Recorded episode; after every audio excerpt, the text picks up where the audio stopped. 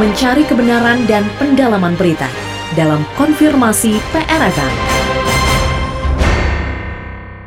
Pemkot Bandung tengah mengusulkan raperda tentang kemudahan, pemberdayaan dan pengembangan, pengawasan dan perlindungan usaha mikro. Kepala Dinas Usaha Mikro Kota Bandung Atet Dedi Handiman mengatakan, Usulan ini dilakukan untuk melegitimasi kewenangan yang sudah ditetapkan oleh pemerintah terkait usaha mikro. Menurut Atet, hal ini juga perlu diikuti oleh pengawasan koperasi yang lebih efektif lagi.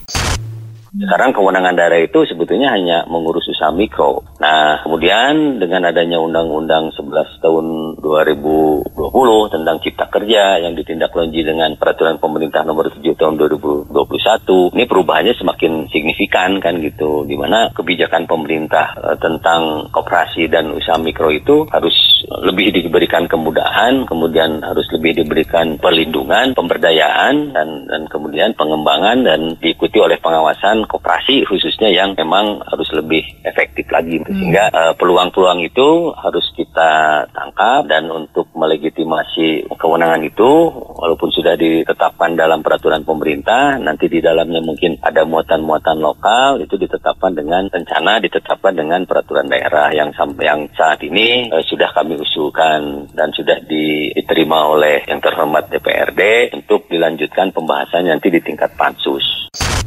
Itu dia informasi dari Kepala Dinas Usaha Mikro Kota Bandung Atet Dedi Handiman terkait usulan Raperda tentang kemudahan, pemberdayaan, dan pengembangan, pengawasan, dan perlindungan usaha mikro.